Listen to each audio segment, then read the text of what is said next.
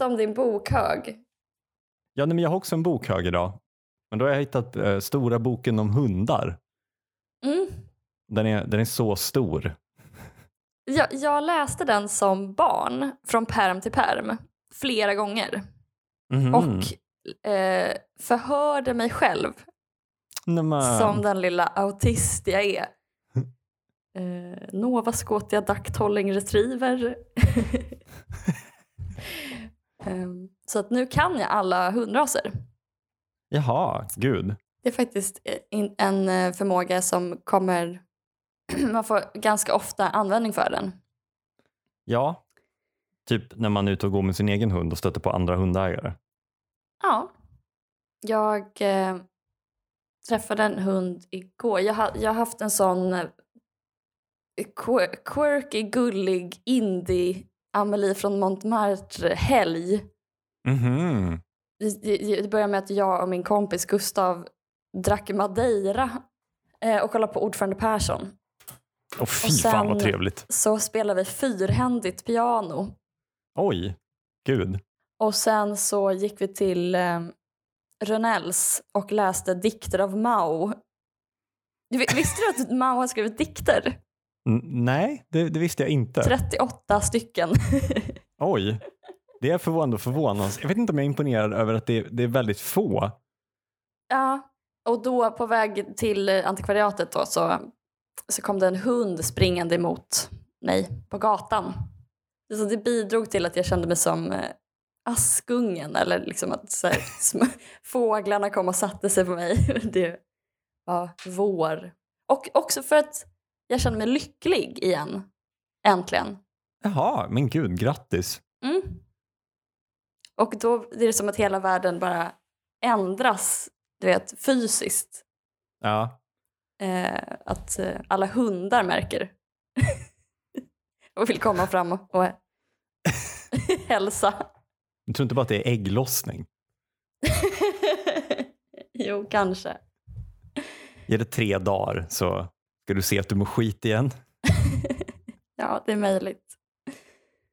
Hur mår du då? Eh, jag- mår bra, eh, förutom att jag har ehm, totalt tappat ehm, tron på min krisberedskap. Nej. Din personliga, Min personliga krisberedskap, nej, eh, landets. Landet tappade jag tron för, för redan när någon förklarade för mig att några av de viktigaste myndigheterna då är ett, Arbetsförmedlingen, två, inte ens myndigheten SKR. Inte? Nej, De är ju bara en intresseorganisation. Det är som om typ ICA-handlarna skulle vara en myndighet. en kundklubb. En Man kundklubb. får ett erbjudande på sjukvård. Sluta nu, liberaler sitter där hemma och kliar sig i skrevet av upphetsning. Ja. Mm, kundklubben staten. Eh, nej men jag, jag var ute och eh, sprang nu eh, lagom till morgonröprundan Mm. och började då blöda näsblod, vilket jag gör den här tiden på året. Eh, för av, det är så torr luft. Så, så jag brukar vanligtvis ha liksom en nässpray med sån här smörjande olja som jag går och sprayar mig med hela tiden. Men jag har inte, liksom, jag har inte det är orkat den gå och och din köpa den. ögonspray. Exakt. min nässpray, min ögonspray. Jag ville behålla min sexapil lite längre i år så jag har inte gått och köpt den. Ehm, nej, och, och då, jag hade ju vantar när jag var ute och sprang så jag liksom försökte på något sätt, okej jag torka bort blod men det gjorde bara mina vantar blev helt blodiga vilket gjorde att allt jag nu tog på blev blodigt. Mhm. Så jag bara smet ut blod i mitt ansikte.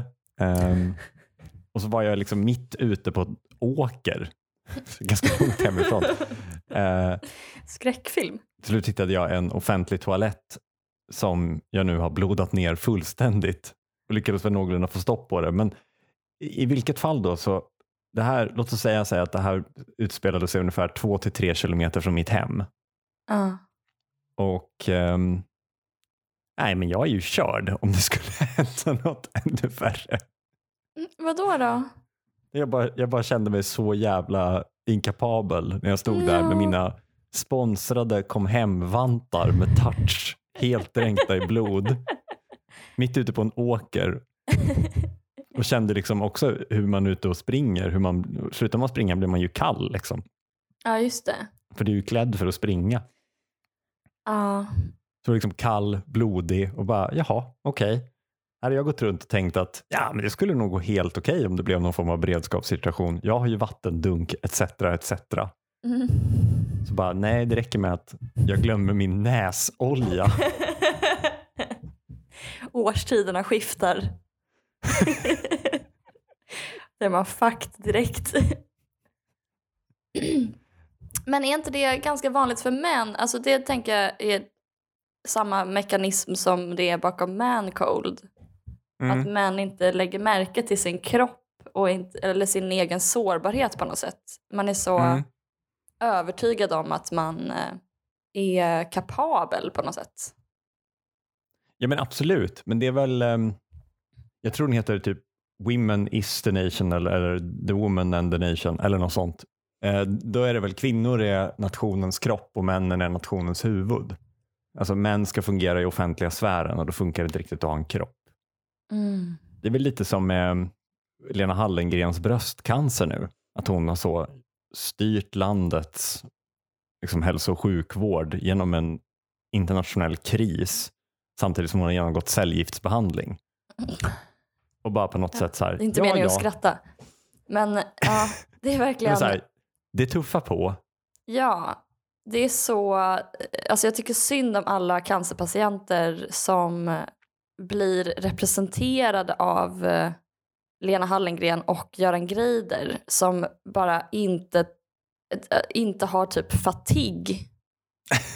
Eh, Alltså för att det- vanliga är ju att man är helt, eh, alltså man blir helt förstörd av cellgiftet, man inte Mm. orkar någonting. Mm. Så att det är så, alltså jag tycker att de- är liksom strejkbrytare, Göran Greider och Lena Hallengren som, som fortsätter, de bara, äh, vadå lite cancer, det har väl ingen dött av tänkte jag säga. Men alltså de, de behandlar cancer som om det vore något man kan rycka upp sig ifrån, ta en promenad och Men det är väl det här kampen mot cancer, att folk för det vet jag också har varit en diskussion om att man ska sluta prata om att liksom beating cancer, fight cancer. För att det Ja. låter som någonting som handlar om alltså, att den person som har cancer bara ligger i sin sjukhussäng och liksom tar i som fan och så blir man av med cancern. ja. Och tar man inte i som fan då är man vek och då förlorade man mot cancern. Ja men precis. Och det är som att de... Ja, men jag vet inte, eller som äh, folk som har olika funktionsnedsättningar tänker jag också Mm. att alla kan inte känna så här, jag vill inte vara mitt handikapp, typ. jag vill inte vara min sjukdom. Mm. Utan för många är det nog ganska mycket att man är sin sjukdom eller sjukdomen tar över ens liv på ett sätt som gör att man inte kan ha en ministerpost Mm. jag bara tycker synd om dem som, eh, som blir tystade, som, som är sin cancer. Om du förstår vad jag menar. Mm, ja. Nej, men jag, tycker att, jag tycker överlag att folk borde vara sina kroppar mer. Mm. Jag tror vi är många där ute i landet som egentligen behöver en sån här smörjande nässpray. Mm. Men vi vill inte, vi vill inte sitta och hålla på med det. Eller kräva en, vad vet jag, en svankkudde på jobbet för att man har lite ont i svanken. Har du en svankkudde också? Eh, jo, men jag hade det, men jag gav den till en kollega som har eh, sämre hållning än mig och mitt, mitt eh, skrivbord började se ut som en sån här eh, testa på hur det är att ha massa sjukdomar. Eh, jag hade liksom en luftfuktare bara för mitt skrivbord eh, för liksom min hy och, och framförallt då min näsa. Ja. Och sen min nässpray, Mm. svankkudde, balansplatta. Du har ju någon typ av hållningskorrigerare också. Ja, men det har jag också. Tand... eh, Precis, mina tänder. Sån Din ögonspray. stomipåse. det, är, det, det är sån här eh, body hacking eller optimering. Men alltså, Lena Hallengren har varit så, hon har verkligen kört på så mycket trots sin cancer att jag nu häromdagen reagerade på att hon eh, hade skaffat en Ylva Johansson-frisyr. Mhm. En sån här praktisk, eh, kortklippt eh, Mm. kommunfrisyr. Liksom. Mm. Så jag var tvungen att googla och då bara, jaha nej, just det, hon har ju såklart inte haft något hår utan hon har haft en långhårig blond peruk som hon nu har tagit av sig. Just Och så har Amelia eller något skrivit en hyllande text om det. Men jag Ja, hade liksom helt glömt bort, så jag bara, men gud, vad lite hår Lena Hallengren har. Undrar varför cancerpatienten Lena Hallengren har så lite hår. Du bara, det här är som Billie Eilish, när Billie Eilish färgade sitt hår blont. Men jag upplever ofta att eh, med sjukdomar att de avslöjar att ens liv är en sån, eh, vad heter det, den här logistik eh, grejen som är när man inte har någon lagerhållning. Just in time. Just in time. Ja. Att mitt liv, och jag tror allas liv, är som en sån just in time logistiksystem. Mm. Det finns inget utrymme för, för minsta försening. Mm. Man, man har inte tid helt enkelt att vara sjuk. Det passar inte in i ens liv. Ja men verkligen, gud, du har, men du har helt rätt i det. Det finns liksom inget slack i linan för att någonting någonsin uppstår. Nej. Lever vi inte våra liv som om 100% ska vara fakturerbar tid? Mm. Jag såg i någon video att deep sea divers som liksom är nere och jobbar, typ av oljeriggar, jätte, jättelångt ner under vattenytan, Mm. behöver en, när de kommer upp till ytan igen eller på väg upp till ytan så behöver en, en dekompressionsfas på två veckor. Ah, För att kroppen ska liksom, de får inte släppas ut i vanligt lufttryck för snabbt för då nej. dör de Mm. eller något, får blodproppar. Man Just kanske borde införa något liknande räkneexempel för eh, allt annat. Mm. Den eh, vårdanställd eller herregud, en reklamare som jag. Mm. Efter att vi har jobbat åtta timmar så behöver vi en dekompressionsfas. Exakt. Punkt 603. Exakt denna tid på året, inom parentes slutet av mars, är min favorit. Men jag sörjer redan i förskott att den snart är över. Precis som jag redan nu har en 40-årskris. Tänk om det kunnat vara vår och morgon hela livet, om man var 16 till 25 hela tiden. Mm. Den här har du skrivit. Mm. Känner du fortfarande så? Nej, inte, inte lika starkt. Utveckla. Jag kan känna faktiskt att eh, det finns något eh, lite eh, roligt, eller vad ska man säga? Letar efter rätt ord. vad heter det nu igen? Roligt. Nej men alltså jag, jag kan tycka att det, det är något som är kul också med att anpassa livet efter eh, svårigheter eller att förutsättningarna inte är perfekta. Mm. Men och likadant på så har jag börjat jobba, eller i januari så jobbade jag mycket på nätterna. Mm. På ett sätt så kände jag mig stressad över det för att man förlorar de få ljusa timmarna. Så jag liksom satt uppe jättesent och jobbade och sen så gick jag och la mig och vaknade kanske 10-11 liksom på, Mm. på dagen. Men sa- samtidigt så, ja men vadå, det gör väl inte så mycket om man jobbar på natten. Mm. Men ja, hur känner du då? Nej, men jag, jag, jag tolkade nog punkten tvåeggat.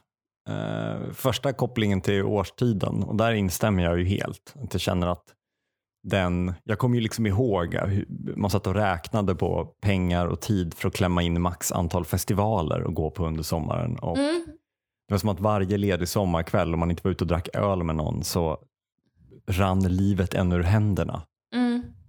Och under hösten och vintern, jag är ju en person som frodas under eh, vintern framför allt. Ehm, Mm. Hösten känner jag väl det här lite att sommaren är över och liksom festen är slut, vi ska alla dö en dag.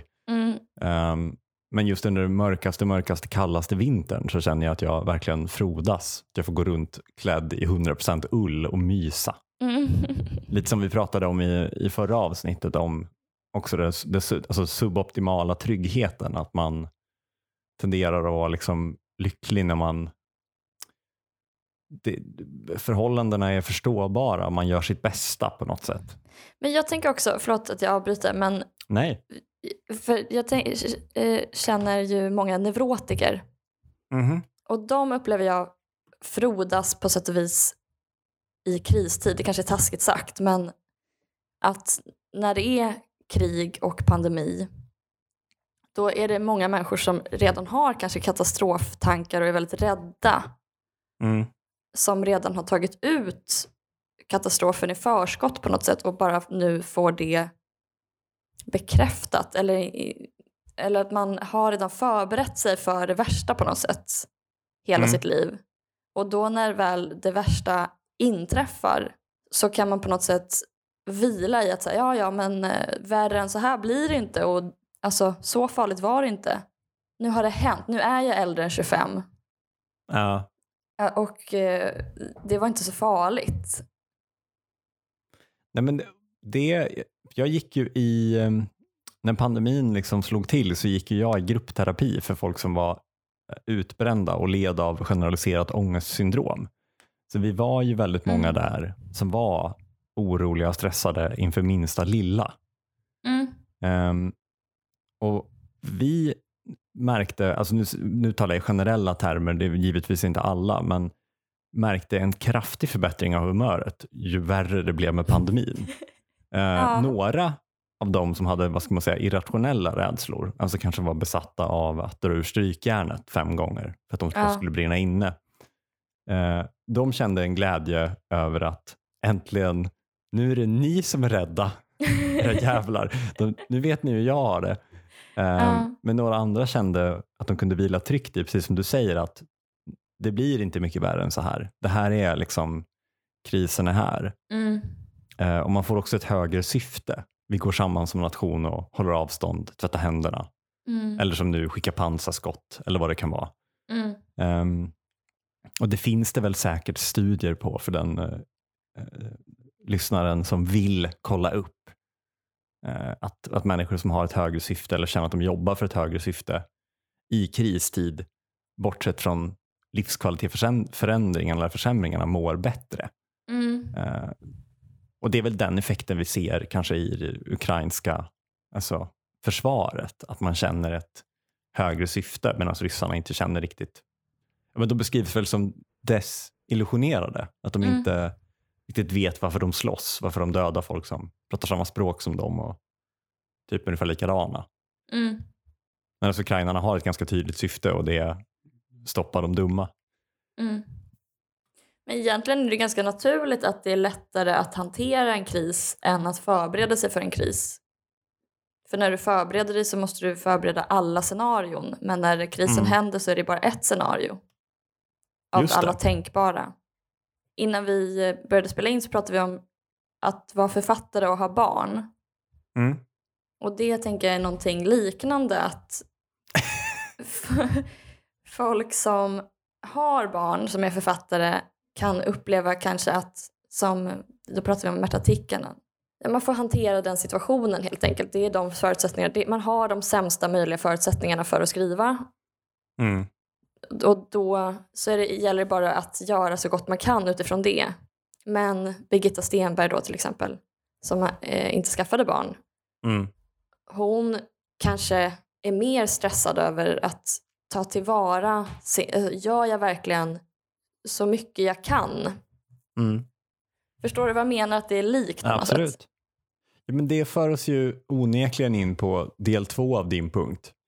Eh, där du också kommenterar, vad ska man säga, livets vår, sommar och höst och Mm. vinter. Att du vill vara 16 till 25. Eh, men att du inte känner så längre. För Mm. jag, jag håller 100% med där eh, och hade en ganska bra diskussion med en kompis häromdagen som har klivit över det magiska 30-strecket Mm. eh, som varken du eller jag har gjort än. För jag har väldigt länge känt en längtan och en glädje efter att fylla 30. Just för Mm. att jag upplever att de senaste åren blir mitt liv bara bättre för varje år som går. Jag ser liksom Mm. fram emot framtiden.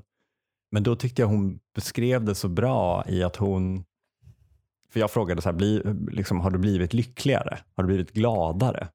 Mm. Och först var vi väl inne på att vi kunde enas om att man, att man blir gladare. Men sen, alltså du, du får ju egentligen inte mycket mer att glädjas för. Mycket så ser ju likadant ut i livet egentligen Mm. under långa perioder. Och att ständigt gå runt och glädjas för allt som finns i livet, eh, det är ju inte hållbart. Nej, men för att du kan bara känna glädje en viss period, eh, sen går den över. Det, det är liksom, hjärnan är byggd så. Efter ett tag blir det ett normalläge. Alltså förlåt att jag förstör din... För det du låter ju väl, absolut inte. väldigt sant. Men jag är inte så, jag upplever att jag kan bli glad hur många gånger som helst över samma sak. Jag blir ofta glad av solen till exempel, alltså över att det blir ju alla, men eller jag går förbi samma blomma typ varje dag. Och så blir jag liksom lika glad varje gång. Men det kanske är att det är inte samma blomma, samma ljus exakt hela tiden och det är ibland så är det mörkt. Men sen och... är det ju de här stötarna. Liksom. Om du skulle stå vid den här blomman skulle du stå vid den här blomman 24-7 så skulle Ja, du till slut tappa intresset ja, det är sant. tre dygn in. Ja, Flinat käkarna ur led.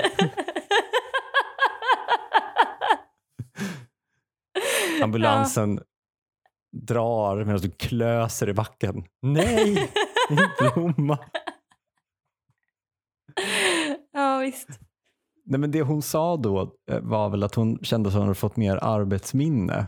Ehm, att faktiskt glädjas när man går förbi en blomma för att man har fått mindre oro och mindre man lägger mindre tid på att kanske fundera på hur min jacka sitter när jag är ute och går på stan. Vad Mm. folk tycker om min jacka. Ehm, och mer tid på att fundera över den här blomman man går förbi. Mm. Tyckte du om att vara tonåring? Men det, det, är inte det omöjligt att svara på? Eller? Tyckte du om att vara tonåring? Ja. Eh, det var, men det var så mycket, det, det känns ju som en så lång, som att man var tonåring så länge. Absolut. Så det var väl olika perioder kanske. Jag har varit inte tonåring i tre år, men jag har varit tonåring i 35. ja, faktiskt. Men jag tycker om tonåringar. Jag, jag tycker om att se tonåringar. Ja men gud ja. Jag tycker om deras ansikten, att de liksom... Hebefil? Nej men att de har barnuttryck, barnansikten.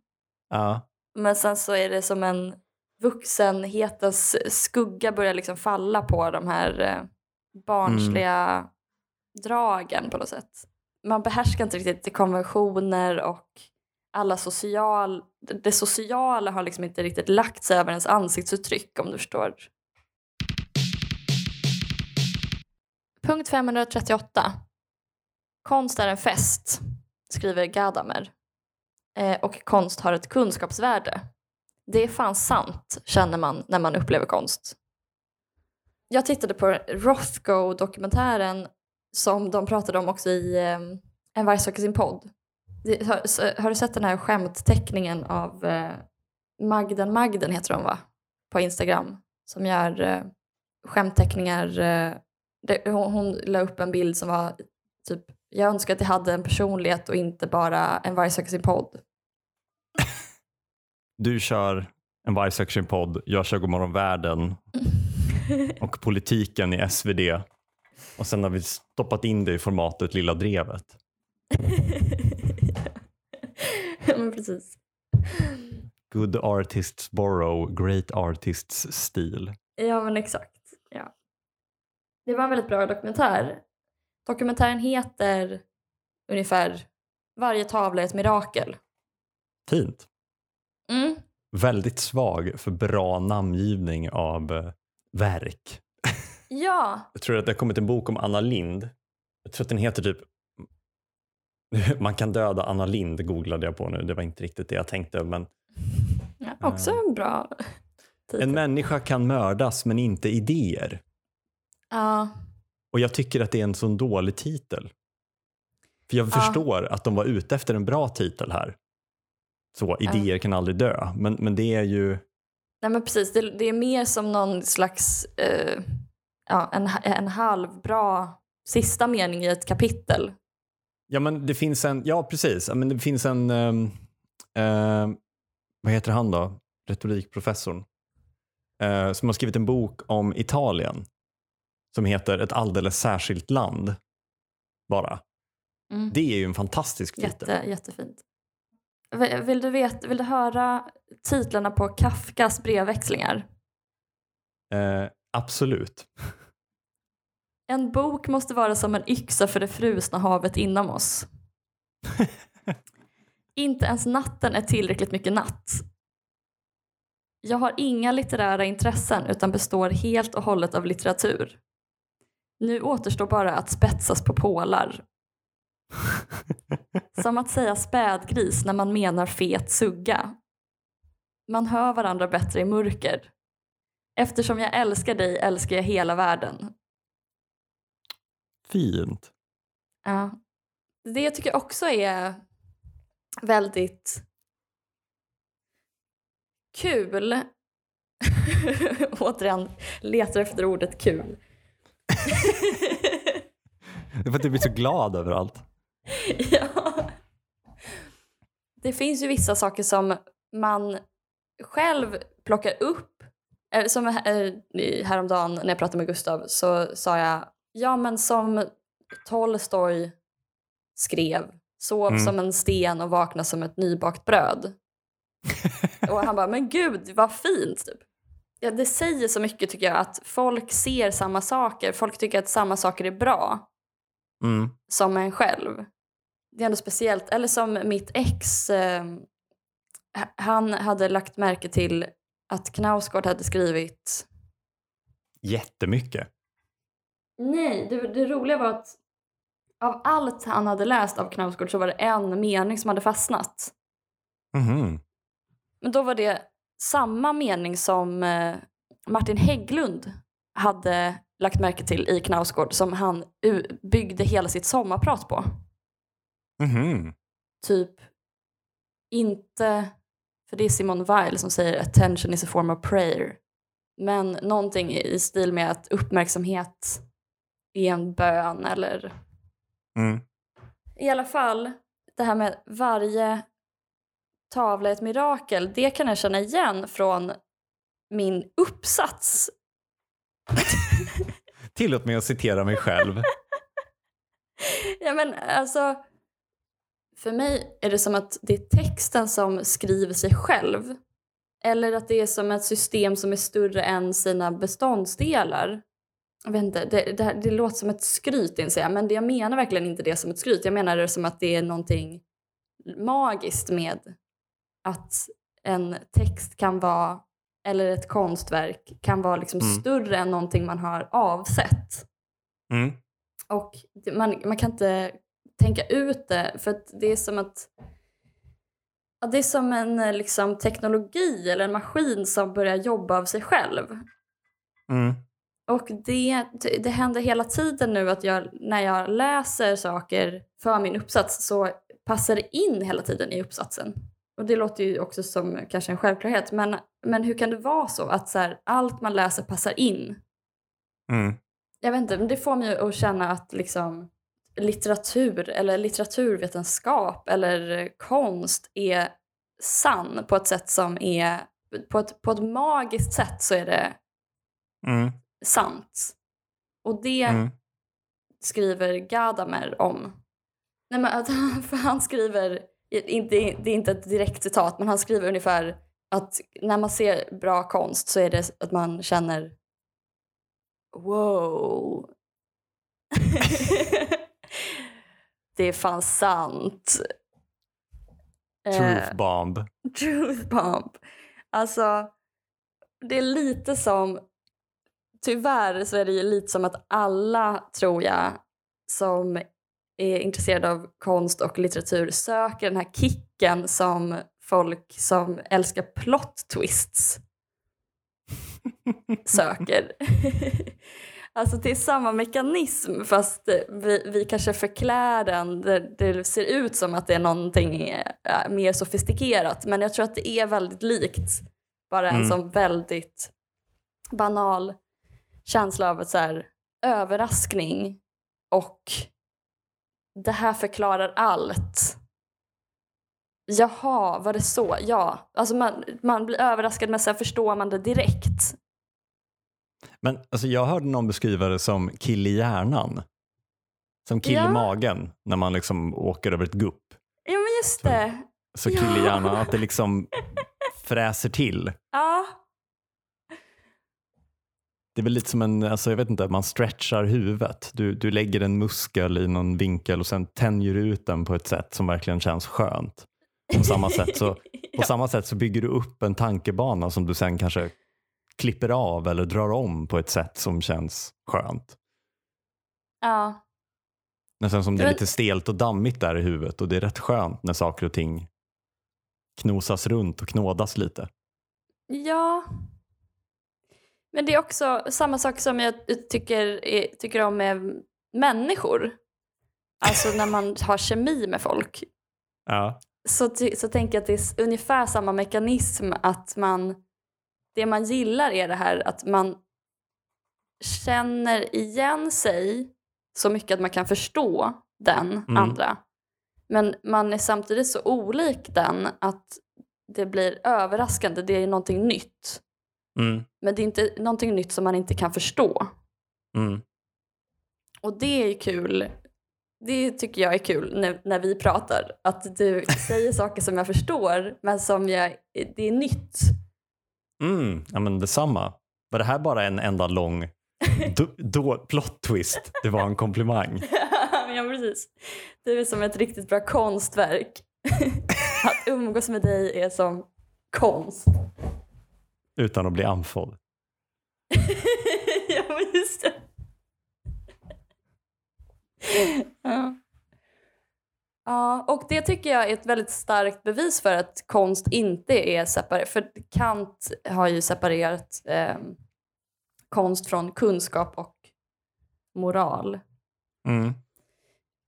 Och det är väldigt populärt att säga, det, och det hade väl sin poäng också då, att liksom eh, konst är ett egenvärde ungefär. Mm. Men jag tycker kanske att det är mer en kunskapsform. Mm. Och det märker man tycker jag väldigt mycket just i, vid sådana tillfällen att man... Eh, det är verkligen ett, en, ett sätt att tänka på, en maskin, för, en teknologi för att tänka. Tack för Tack den här för idag. veckan, Kim Eklöf. Tack själv Ellen Theander.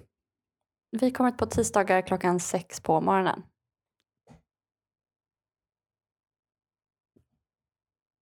Lagom till morgon löper undan.